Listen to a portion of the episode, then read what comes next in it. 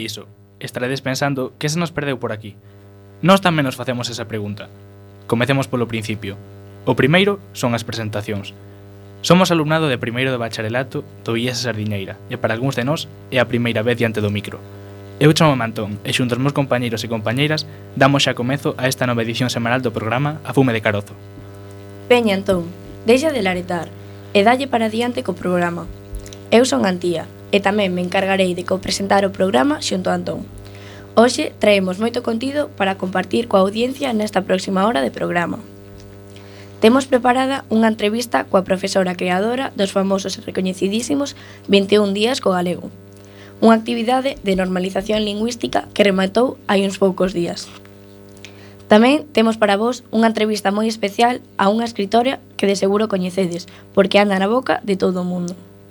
Nalgún momento botaremos a llada cara atrás e tentaremos analizar como foron estes dez anos dende a implantación do, dere... do decreto de plurilingüismo. Que supuxo para a lingua galega? Aprendemos varias linguas moito e ben. Falaremos tamén con Sara Carreira, alumna da Universidade de Basilea, Suiza, que está a facer o traballo de fin de carreira sobre as actitudes da mocidade cara ao galego. E por último, falaremos dunha muller moi recoñecida, que celebra aniversario neste febreiro, Quen será? Quen será? Animámosvos a que continuedes ata o final connosco. Ui, esquecemos presentarvos os demais compañeiros. Ben, presentar, podense presentar eles oiños.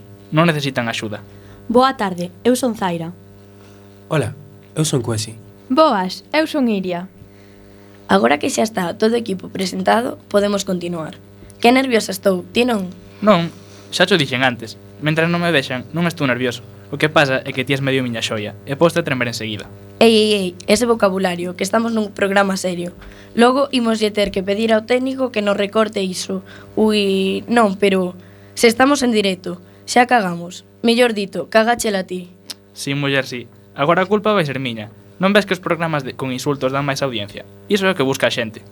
Poida que teña razón, pero programas de radio con insultos xa se me fai máis raro, eh? Tras este desafortunado incidente, continuamos coa emisión. Ben querida audiencia, despois desta breve pausa musical, a ver se relaxamos un chisco.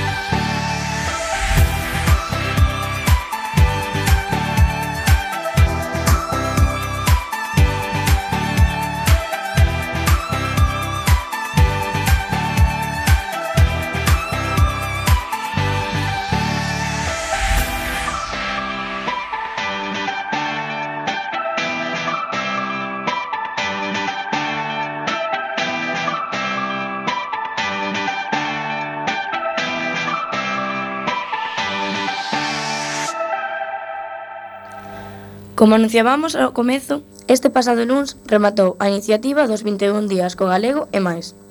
Un proxecto que pretende aumentar e perfeccionar o emprego do galego, así como a reflexión persoal sobre a relación que cada persoa ten co galego e co resto das linguas que coñece.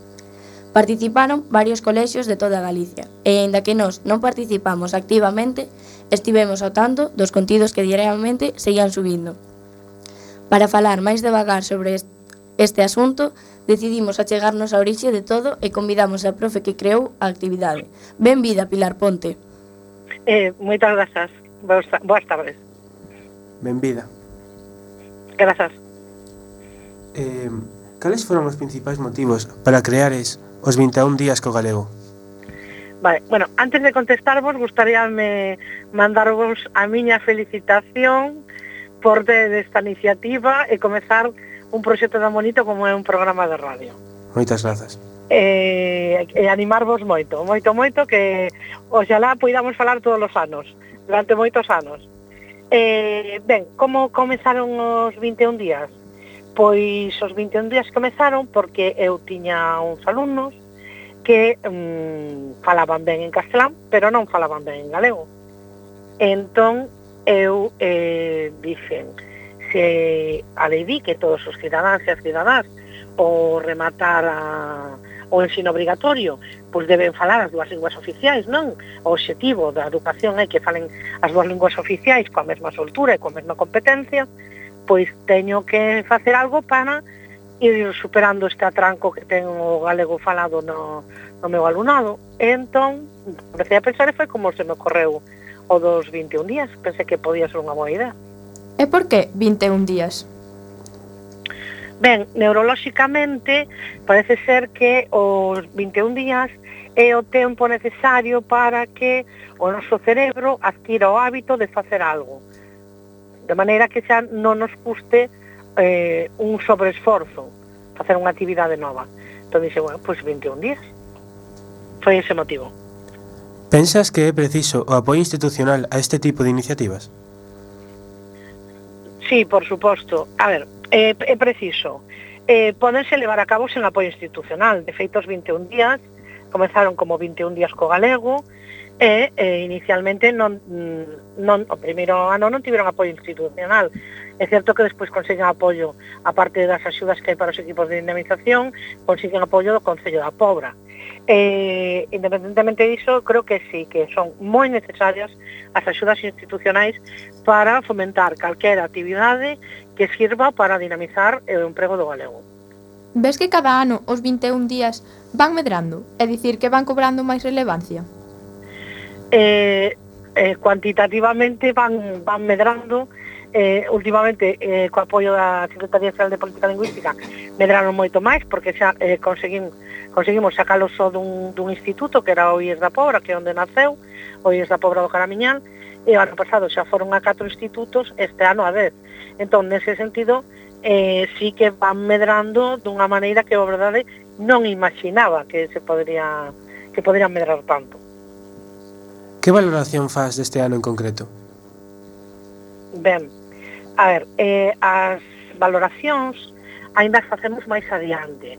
É dicir, agora eh, bueno, foron os 21 días, os eh, rapaces e rapazas participantes entregaron os, as, os seus retos, as súas reflexións, agora tocalle o profesorado avaliar, avaliar eses traballos, Despois aínda teremos máis eh, vídeos que serán públicos dos mellores traballos que se fagan en cada en cada instituto, despois teremos un encontro a la por maio.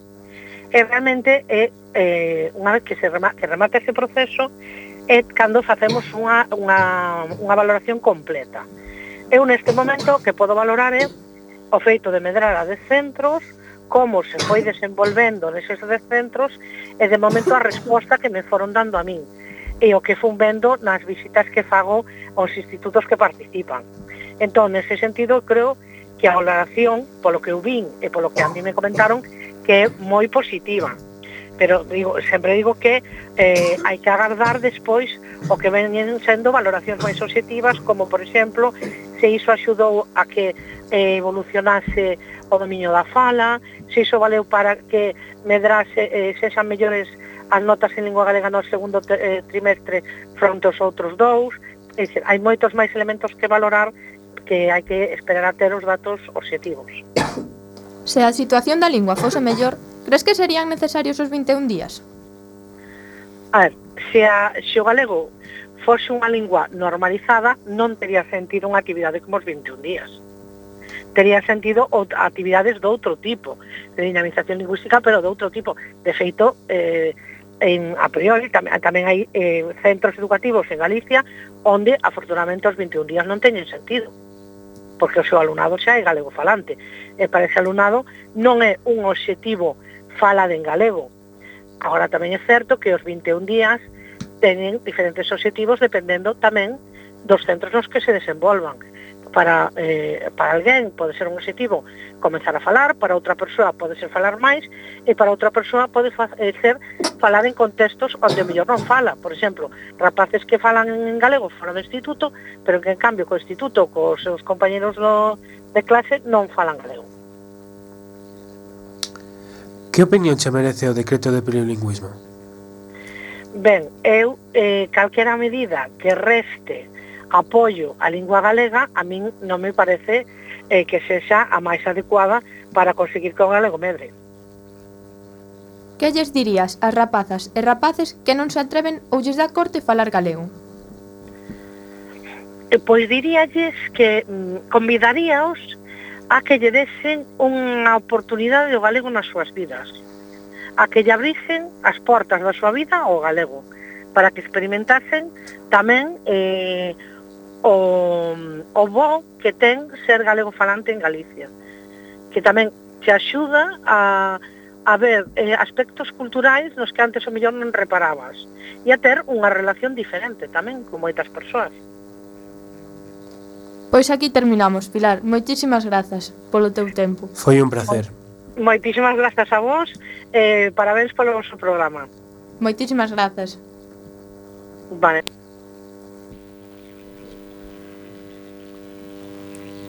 Que conocerte tal vez no era lo mejor. Que eres experta para enamorar. Y no te importa cuántos caigan por error. Yo te miro y todo me da vueltas, vueltas. Y aunque admito que quiero volverte a ver, que tú siempre vas y vienes, que nunca tienes nada que perder.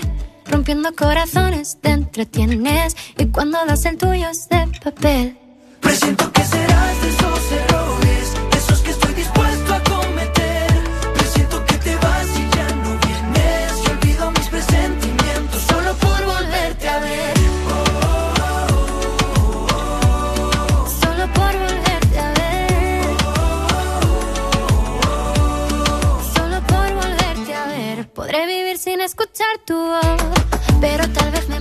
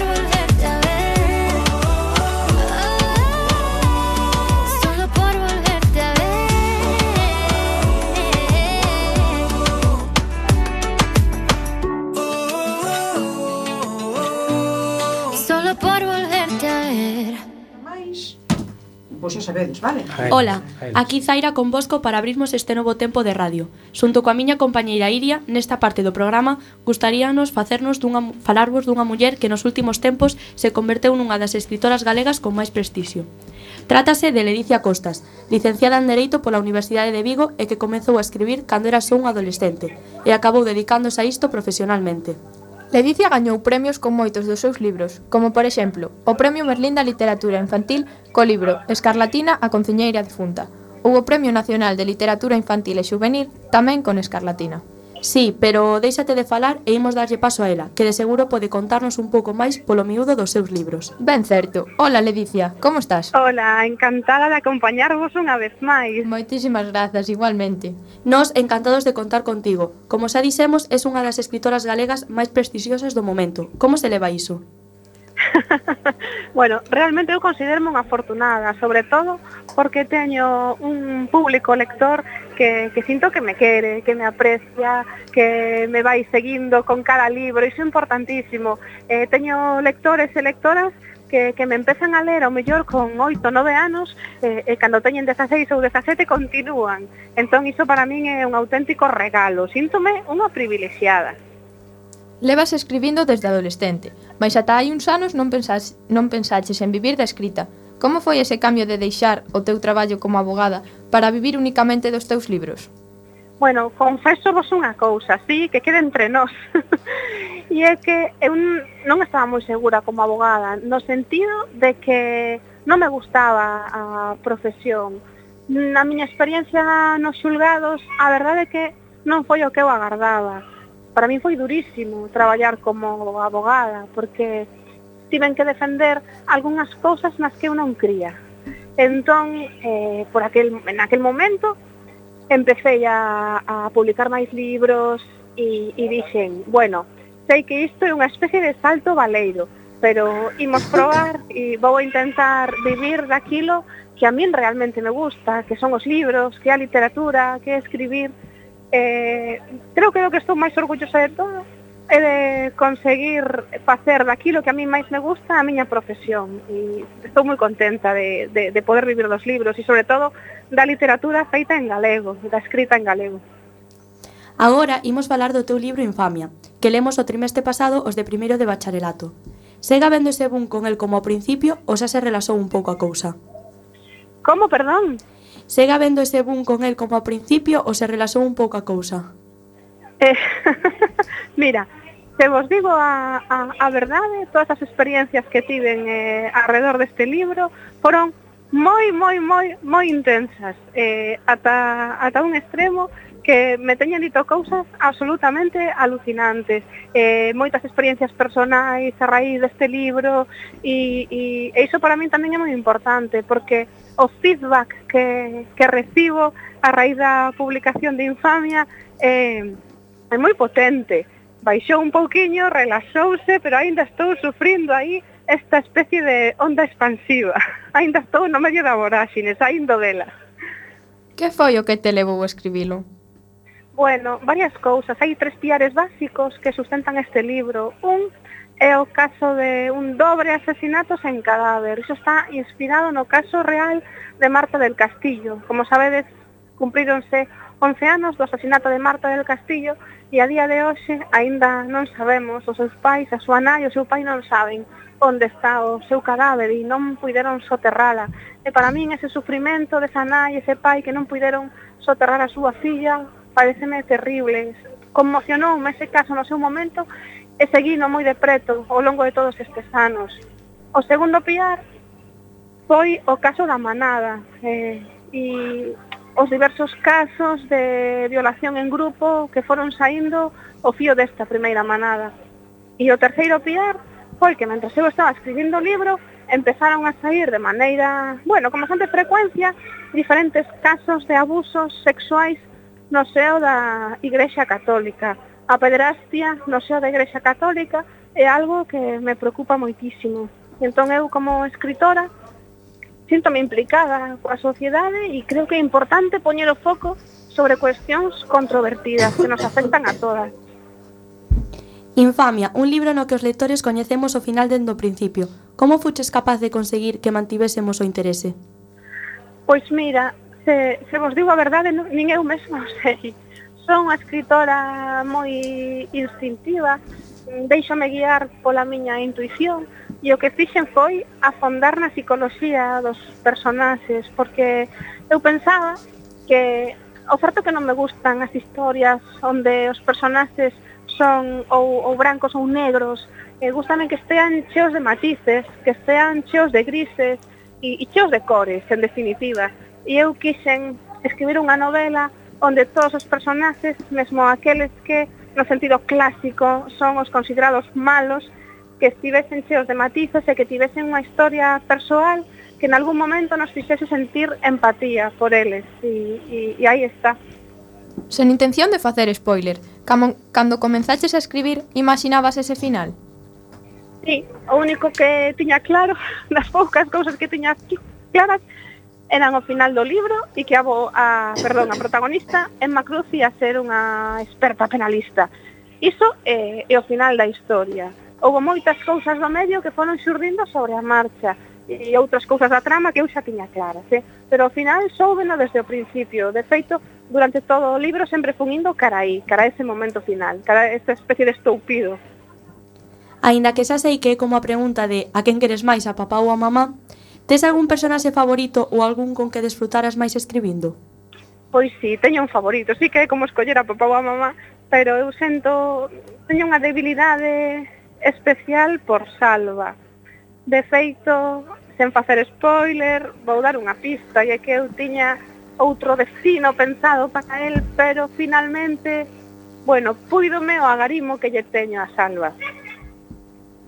Supoño que, ademais do personaxe co que máis disfrutaches, haberá algún outro co que sufriras un pouco máis, non si? Sí, claro, a historia de Lucas, por exemplo, a historia de Noel, e Lucas como ten esa discapacidade coa que ten que convivir e é un home bueno, que arrastra un trauma tan potente que é como unha especie de espectro mm. ou a propia Sara, a nai das nenas que, que como di a voz narradora en algún momento da historia é unha carcasa inconsistente, como se estivese baleira por dentro. E claro, é duro meterte na pel deses personaxes, porque sobre todo no caso de Sara, porque eu, bueno, pensei en nos casos desa, desa nai que non puido enterrar a súa filla e, e a partir dela pois construín o personaxe de Sara. Sabemos que o libro mostra unha realidade social moi dura, e do 1 ao 10 que ten de real infamia? Pois ten un oito tranquilamente, atreveríame a dicir. Supuncher, supuxeronche moito traballo as descripcións psicolóxicas tan detalladas dos personaxes? Uh, uf, moito, moito, claro que sí, eh, foron horas de darlle a cabeza. Creo que neste libro investín tanto tempo en pensar a historia, en meterme na mente deses personaxes, tanto, tanto como, como logo o tempo de escrita. Claro, eh, este, este libro, se o pensades, non ten un só protagonista, é un libro coral onde os personaxes secundarios collen, tan for, collen tal forza que chega un momento en que non sabrías dicir quen é o protagonista. Ao principio parece que é claro que é Emma Cruz, pero logo como que se vai diluindo. Entón iso sí que me supuxo un sobreesforzo. Seguramente a todos nos chamou a atención os poemas inseridos na obra. Pero por que Félix Francisco Casanova? porque hai tres anos fun convidada a un ciclo de conferencias nunha universidade que está no Escorial, en Madrid, e, e abría o ciclo de conferencias eh, Aramburu, pero Aramburu non ia falar da súa obra, falou da figura de Félix Francisco Casanova, que era un poeta que por aquel entón eu non coñecía, e, e o descubrín aí, e a verdade é que esa descoberta para min foi valiosísima, porque coñecín a un poeta absolutamente extraordinario e, e levo tres anos dándolle voltas, lendo as súas obras e, e, e preguntándome como é posible que poida ser, puidera ser, porque hai moitos anos que morreu, tan brillante un, un rapaz tan novo. E no momento de construir o personaxe de Lucas, pareceume que os poemas de Félix Francisco Casanova ya caían, por un lado, moi ben, e, e, e por outro tamén parece unha bonita maneira de facerlle unha homenaxe a este poeta descoñecido e ao mellor a chegarlle a súa figura a outras persoas lectoras. Pregunta obrigada. Hai segunda parte, non si? Bueno, deixei portas abertas por se tiña tentacións de volver a merlo porque a verdade é que a escrita deste libro foi tan visceral que creo que quedou algo de min aí dentro e aínda non conseguín sair de todo.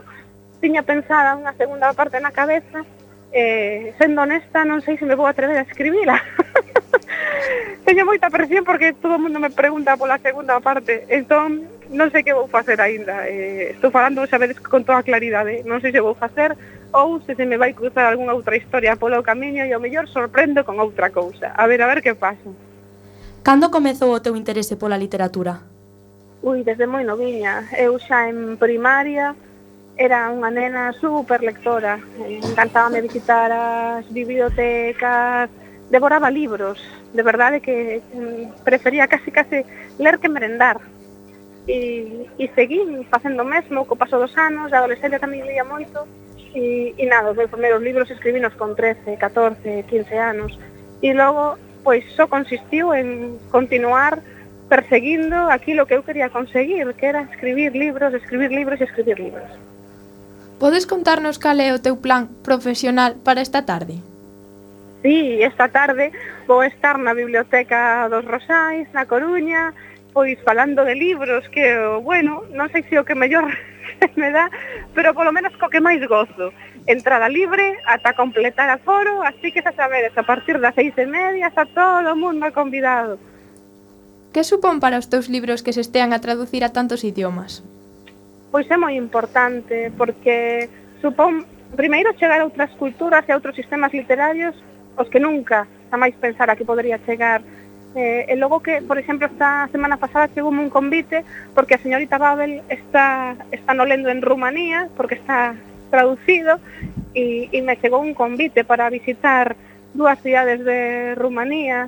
Eh, isto de outro xeito non se produciría se eu non tivese libros traducidos traducidos a esas linguas, nunca podería viaxar a eses países, acceder a outros sistemas literarios e, sobre todo, tendo en conta de que fago iso sempre desde a miña lingua que é o galego e enorgulléceme que desde a miña lingua poida chegar a outras linguas coas que nunca soñara. Por último, tes algún proxecto entre mans ou algo que queiras promocionar? Pois sí, este ano eh, vou sacar moi pronto o mes vindeiro unha obra infantil titulada Vampira de Biblioteca, e logo contra o mes de maio vou sacar o primeiro a primeira entrega dunha colección chamada Os Mini Mortos e, e, e logo saco outros dous libros contra final de ano. A segunda parte, Señorita Babel, é outra entrega dos Mini Mortos. Así que este ano a literatura infantil e, e juvenil vou estar con ela a todo tren. Ben, xa non temos tempo para máis. Foi un placer conversar contigo, Ledicia. Esperamos que, esperamos que o pasaras ben. Paseino de maravilla e, e espero que me convidedes a volver, por favor. Un abrazo moi forte. Por suposto, moitísimas grazas. Ata pronto. Hasta luego.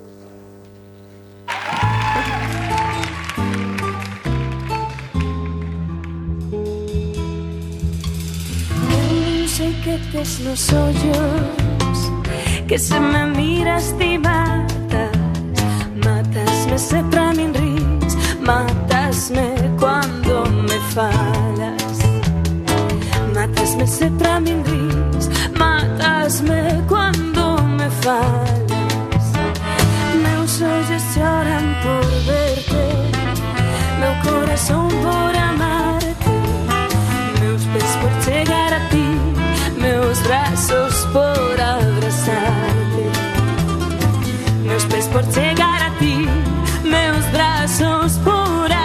abrazarte Deseaba de te ver 30 días cada mes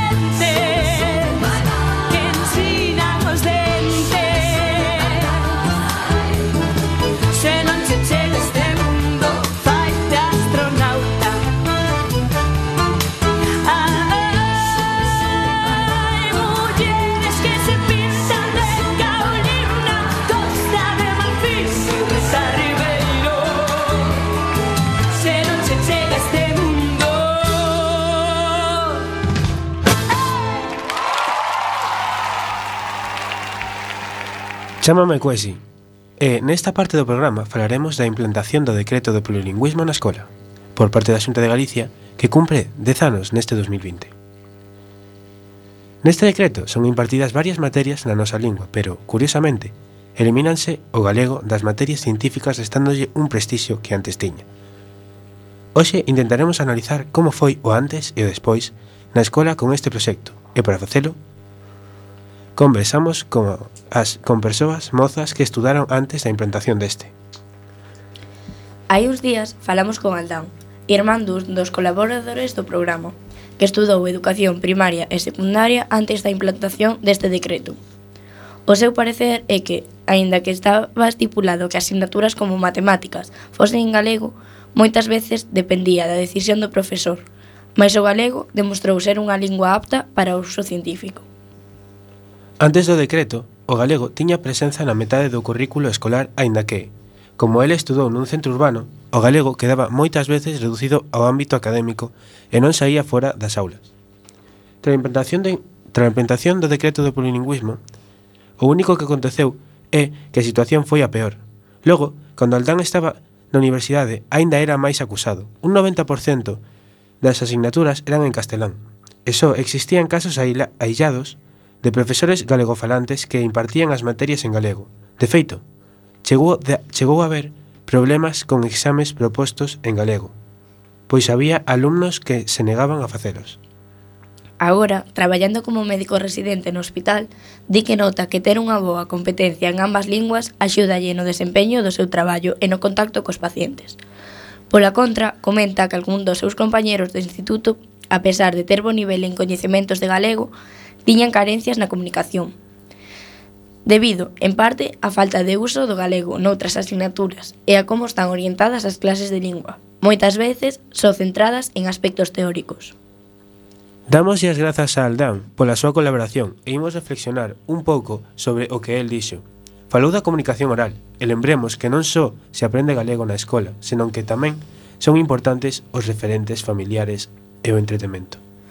Por idade, Aldán pertence á chamada xeración xabarín e puido gozar de dibuxos en galego cando era pequeno.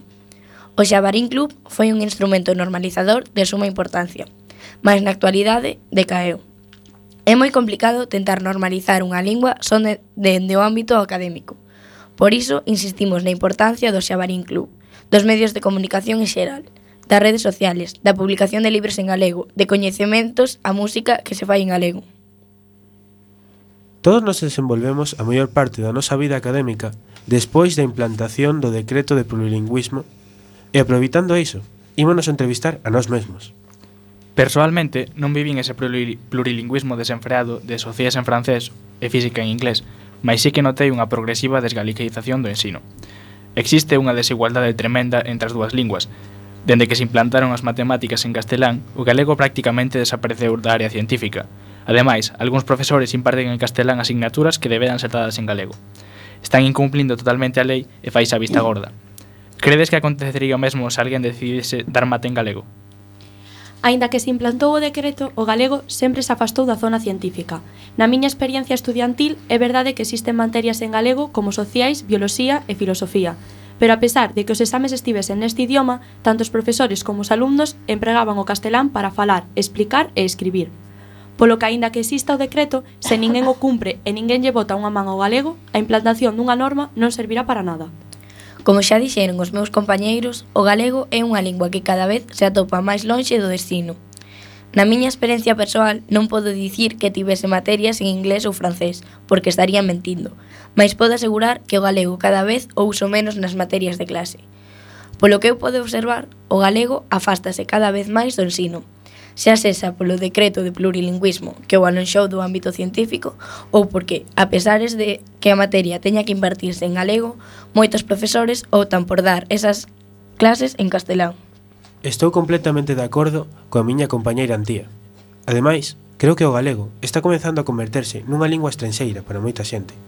Un dos lugares onde menos se fala galego en Galicia é na Coruña. Por último, gustaríame recalcar a importancia da nosa lingua e toda a fermosa cultura que a acompaña. Somos galegos e sen cultura e lingua todo desaparece. De seguida, e moi ofío do que estamos a falar, imos manter outra entrevista, tamén de luxo como as anteriores. Para iso contamos en directo con Sara Carreira. Sara ten guardada algunha que outra sorpresa que non esperaríades. Tranquilos, nós tampouco esperábamos. Así que non, nos, non vos vaiades, xa que será interesante coñecer o seu traballo e saberemos de seguida cal é a súa sorpresa.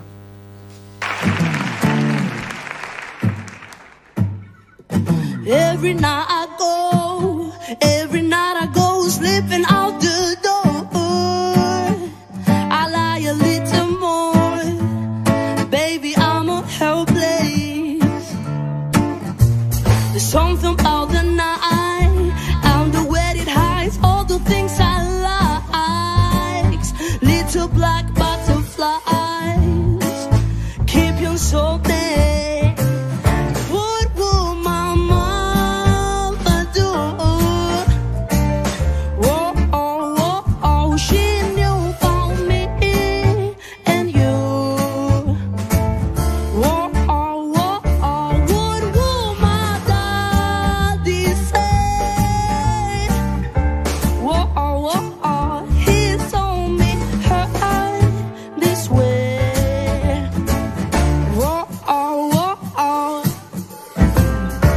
Whoa, oh, whoa, oh. Uh, what should I feel I say? Feeling guilty at the mention of your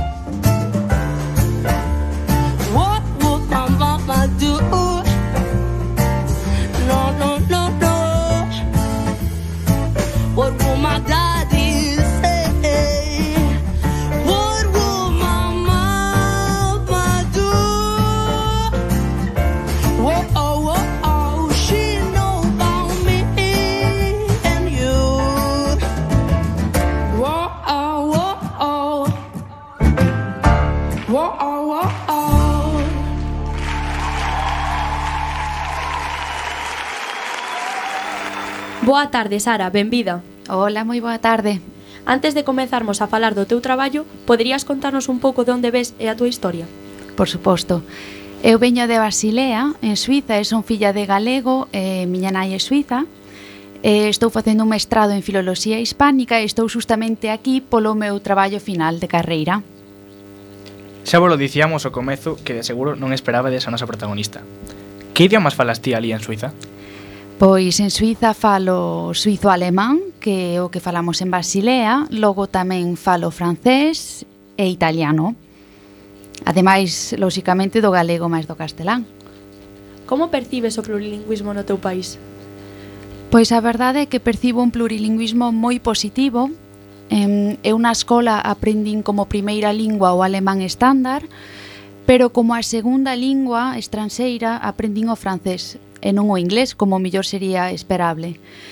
Polo tanto, percibo unha situación moi positiva donde as tres, catro linguas, como xa sabredes, eh, ademais do alemán e do francés, o italiano e o romanche son linguas cooficiais en Suiza, entón realmente percibo unha situación moi positiva donde conviven estas catro linguas. Ben, eh, camelo do tema. Xa adiantábamos o comezo do programa, Estás a facer o mestrado de Filoloxía sobre as actitudes da mocidade coruñesa cara ao galego. Que te levou a inclinarte por ese tema? Pois as miñas experiencias persoais. Dende moi pequena, en pasos veráns aquí en Galicia, E sempre me chamou a atención que moita xente non emprega o galego no seu día a día, especialmente nas cidades. Meu pai é originalmente de Carballo e ali sí que se percibe moito galego, pero en cidades como a Coruña ou Vigo, pois a verdade é que moitas veces pasando polas rúas o galego non se sinte moito.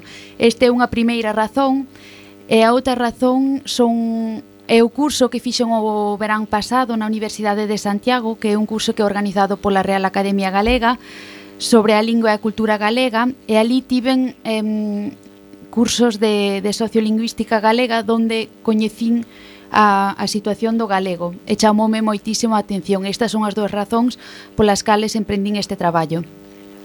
Podes falarnos un pouco máis detalladamente do teu traballo? Vale, moi ben. Pois o traballo trátase dunha comparación entre dous institutos eh, da cidade coruñesa, por unha parte o vosso instituto, que é o IES a Sardiñeira, e outro é o IES Ramón Menéndez Pidal, E o traballo consiste basicamente en coñecer os vosos usos lingüísticos, é dicir, em, en que lingua aprendestes a falar, em, en que linguas falades habitualmente cos vosos pais, cos vosos compañeiros, co voso profesorado. Eso é unha parte do traballo e a outra parte do traballo consiste en coñecer as vosas actitudes cara ao galego, é dicir, em, que pensades sobre o futuro desta lingua, que pensades sobre, em, eh, sobre esta lingua como elemento cultural e identitario, que pensades sobre a variedade desta lingua que é imensa e basicamente nesto que consiste o traballo. E o mellor tamén importante de mencionar é que me gust que mm, realizo estudo con estudantes de primeiro e segundo de bacharelato, que justamente, como vimos anteriormente no programa, sodes un dos primeiros que empezastes a vosa escolaridade co decreto do plurilingüismo fai dez anos. Como ves a situación actual do galego en Seral? Pois a verdade é que a situación actual non a vexo moi boa, especialmente aquí na Coruña, donde eh, percibo moitísimo o castelán en todos os ámbitos e o galego moi escasamente. Das enquisas que recibiches, sorprendeu a situación do noso idioma? Pois a verdade é que en certo modo xa me esperei un pouco este resultado, pero aínda estou no proceso de, de análise dos datos. Non sei se estiveches ao tanto da iniciativa dos 21 días co galego. Que che pareceu? Pois a verdade é que me parece unha iniciativa interesantísima, e creo que especialmente nun espazo como a Coruña debese promocionar estos proxectos para que vos em, empreguedes con máis frecuencia o galego, porque creo que justamente é aquí donde, donde o galego ten un problema nas cidades que é no emprego desta lingua. Como aprendiches o galego? Pois a, o galego aprendino co meu pai, que sempre me falou en galego, e tamén ca miña familia en Carballo, donde pasei os veráns, e cos cales sempre falei en galego. Como pensas que podemos axudar a normalizar o galego? Pois eu creo que podedes axudar a normalizar o galego empregando entre vós nas vosas actividades e facendo que non sexa soamente unha lingua que falades no ámbito educativo, senón que sexa realmente unha, un idioma que empregados en todos os ámbitos eh, nos que vos movedes. Creo que este é o máis importante para que a lingua galega teña futuro. E xa por último, como é falar galego en Suiza, un país tan afastado de nós, polo menos en kilómetros? Pois unha riqueza grandísima eh, Estamos traballando alá para que se conserve tamén o galego na diáspora, por suposto Pois ata aquí a entrevista. Moitas grazas por ofrecernos o teu tempo e esperamos que todo che saia señal. Agardamos polo resultado da túa investigación. Grazas. Moitísimas grazas a vos e moitos parabéns por este primeiro programa na radio. Grazas.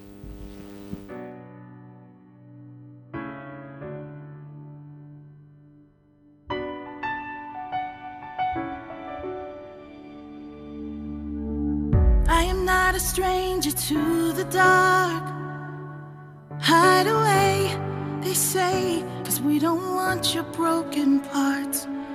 I've learned to be ashamed of all my scars. Run away, they say, no one will love you as you are. But I won't let them break me down to dust. I know that there's a place for us, for we are the glorious.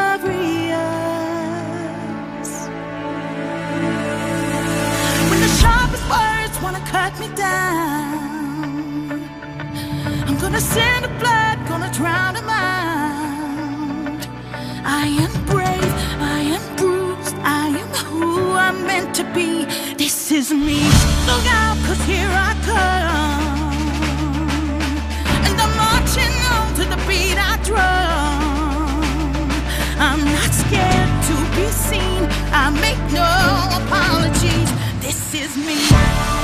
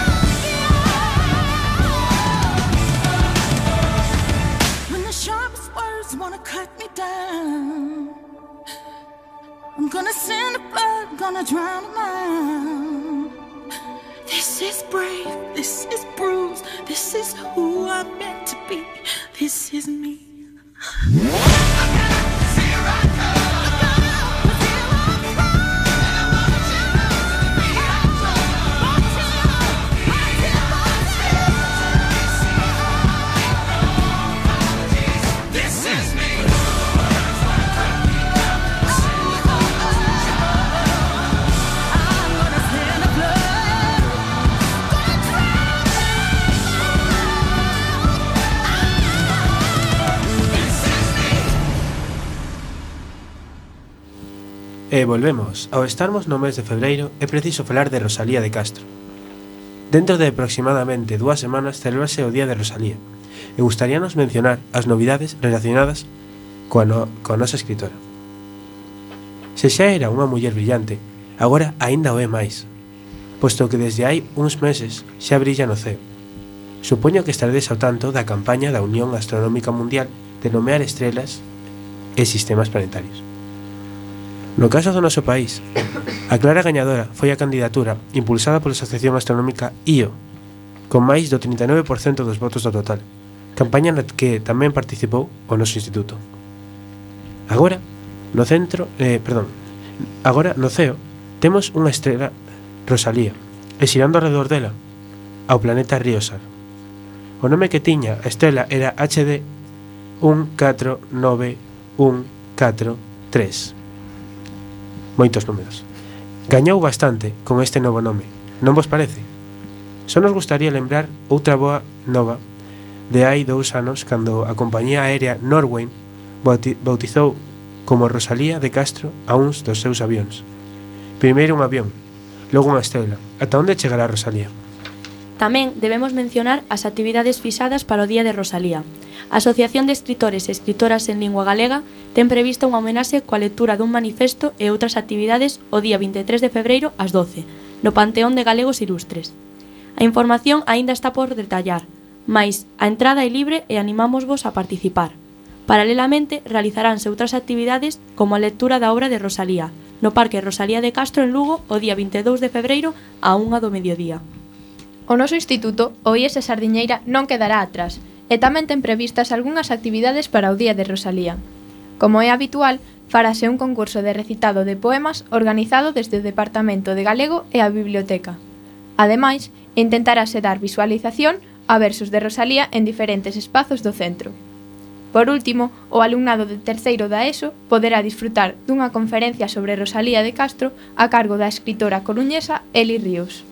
Pois con isto chegamos ao final deste Afume de Carozo, presentado por alumnado do IES Sardiñeira. Normalmente este programa está presentado por millennials, mas hoxe tomamos o control os da xeración Z. Esperamos que vos gustasen os contidos e que desfrutásedes tamén da música. Chegados a este punto, só nos, quedari, nos gustaría desexarvos unha feliz semana e animarmos a afondar un pouco máis no contido do programa, reflexionar sobre a situación do galego. Se non lestes infamia, non sei a que estades esperando. E este 24 de febreiro facédelle a homenaxe que se merece a nosa Rosalía, a nosa estrela Rosalía. Como xa dicíamos antes, estamos nos instantes finais deste programa e aproveitamos para agradecerlle a súa presenza a Pilar Ponte. Tamén queríamos agradecer a Ledicia por prestarnos un pouco do seu tempo. E por suposto, a Sara Carreira. Este programa non se, eh, tivera sido posible sen a axuda do técnico Roberto Catoira. Así que grazas por darnos esta oportunidade a todos os participantes. Foi unha experiencia moi bonita. A fume de carozo.